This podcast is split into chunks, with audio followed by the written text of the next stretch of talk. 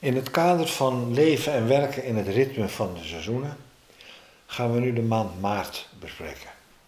Of om precies te zijn van de tweede week van maart tot de tweede week van april. Ehm, hoe die indeling precies in elkaar zit, dat doet er nu niet toe. Maar dat moet je in het boek zien. Maar ik zal nu een inleiding houden, zodat je dat boek ook beter kunt lezen. En je kan deze inleiding ook horen zonder het boek te lezen. In de maand maart gebeurt er iets wonderlijks. Er komen al eerste bloemen boven de grond.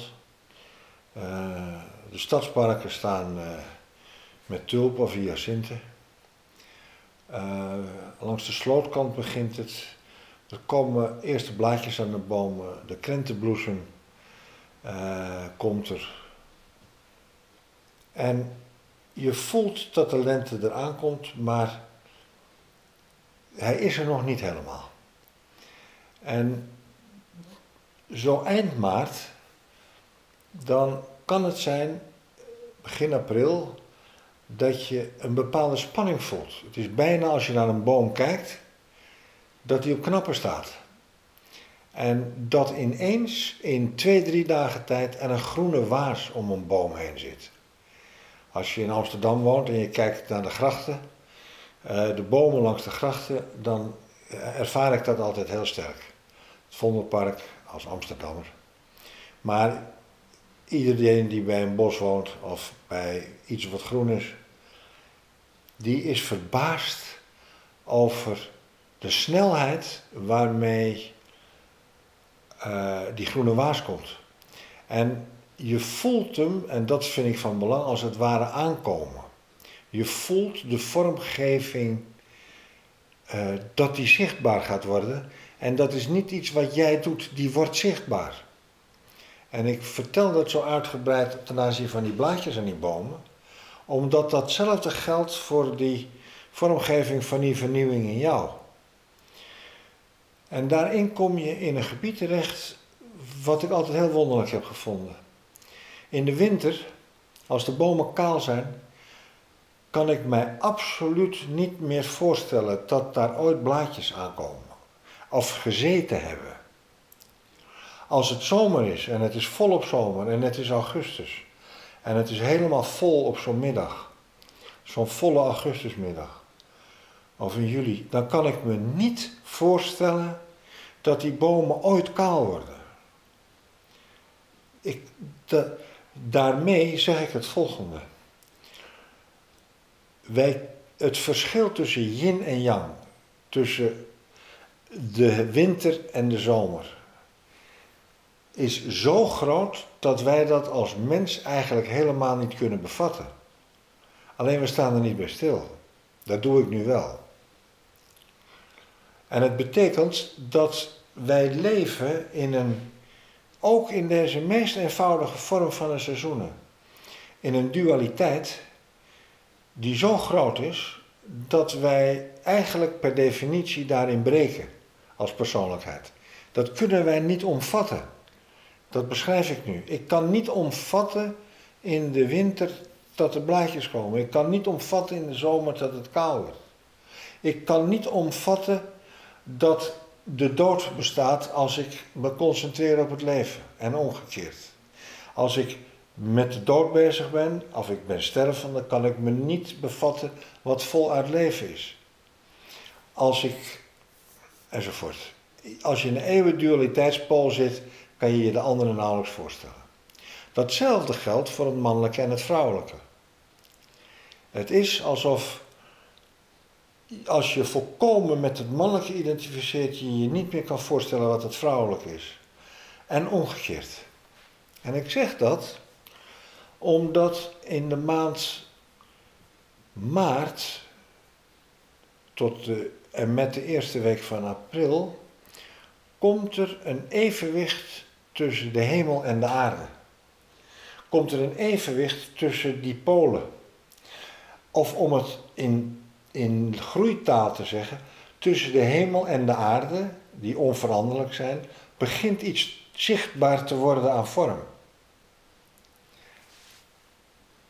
En ik heb een aantal jaren meegemaakt dat vanaf eind maart tot half april er een explosie plaatsvond. Een explosie aan groen. En dan zie je dus de onvoorstelbare scharkeringen van de kleur groen. In zijn meest frisse vorm.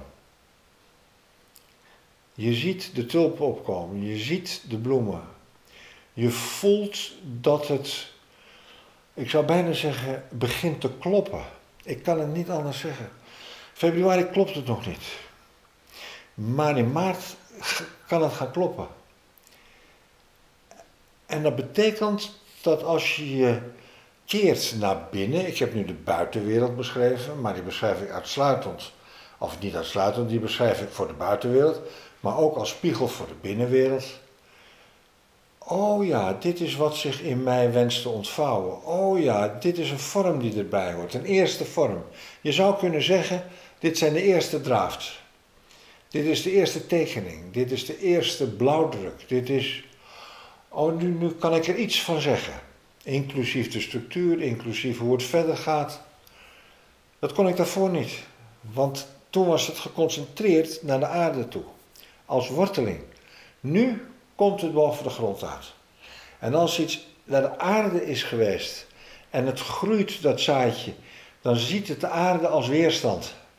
Op het moment dat het boven de aarde uitkomt, wat nu gebeurt, dan is dat wat weerstand was, wordt voedingsbodem. Dat wat weerstand was, wordt in maart tot half april voedingsbodem. Dat waar je mee geworsteld hebt, daar rust je nu in en laat het zich verder ontvouwen.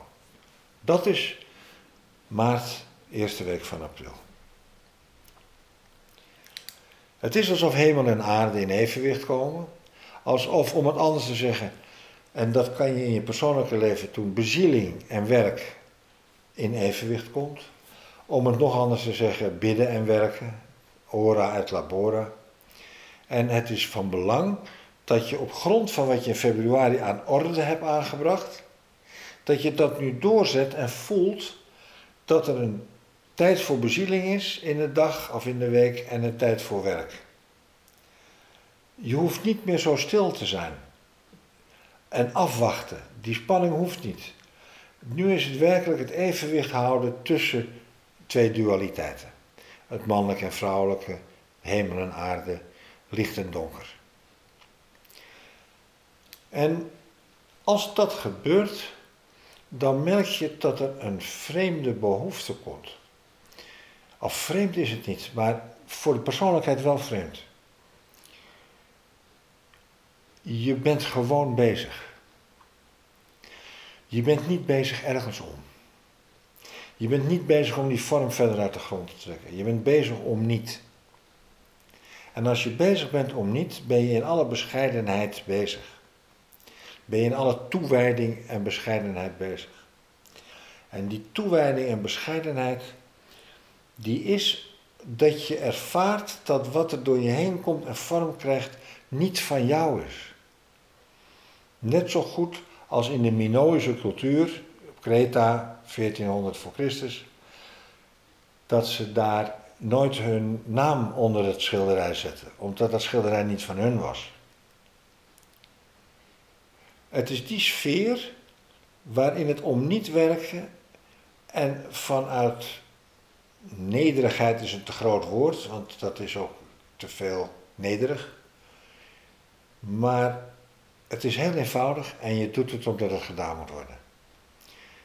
Dat is het ontwikkelen van bekwaamheid en vakmanschap.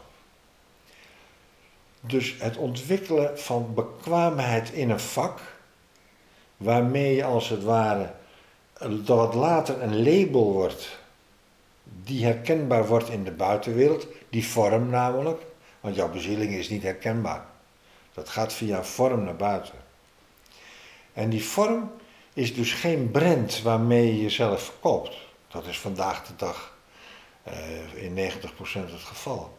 Nee, die vorm, kom ik weer op die groeicurve, die vorm die ontstaat, die ontwikkelt zich vanzelf uit. Je wordt daar bekwaam in. Je ontwikkelt een vak en dat zal uit gaan stralen. En daar zal iemand op responderen. En als er niemand op respondeert, dan moet je nog wachten. En dat is soms moeilijk. Dat je daarmee in conflict kan komen met je continuïteit waarmee je ook brood op de plank moet hebben. Natuurlijk is dat zo. Maar trek het niet te vlug boven de grond, want het gaat toch niet lukken. Concentreer je dan op geld verdienen. Ja, dan is dat de opgave. En dan moet dat andere even wachten. Als je niet herkend wordt. Als je niet herkend wordt, moet je proberen te overleven met geld. Punt. En wachten tot de straling zijn eigen werk doet. Je begrijpt ook dat je houding ten opzichte van de buitenwereld, die in februari die verkennende houding was, waarin je jezelf niet weggeeft, dat je hier op een bepaalde manier in je eigen midden moet blijven. En dat betekent dat je heel uh, bijna diplomatiek te werk moet gaan. Je moet niet overschreeuwen. Je moet je ook niet laten overschreeuwen. Uh, je, moet je moet gericht zijn op harmonie. In mei hoeft dat niet meer. Daar ben je gericht op conflict. Maar nu, in maart, tot met de eerste week van april, ben je gericht op harmonie. Waarom? Omdat die bezieling naar de vorm, die komt in evenwicht. En die moet daarin groeien. En dat vraagt harmonie.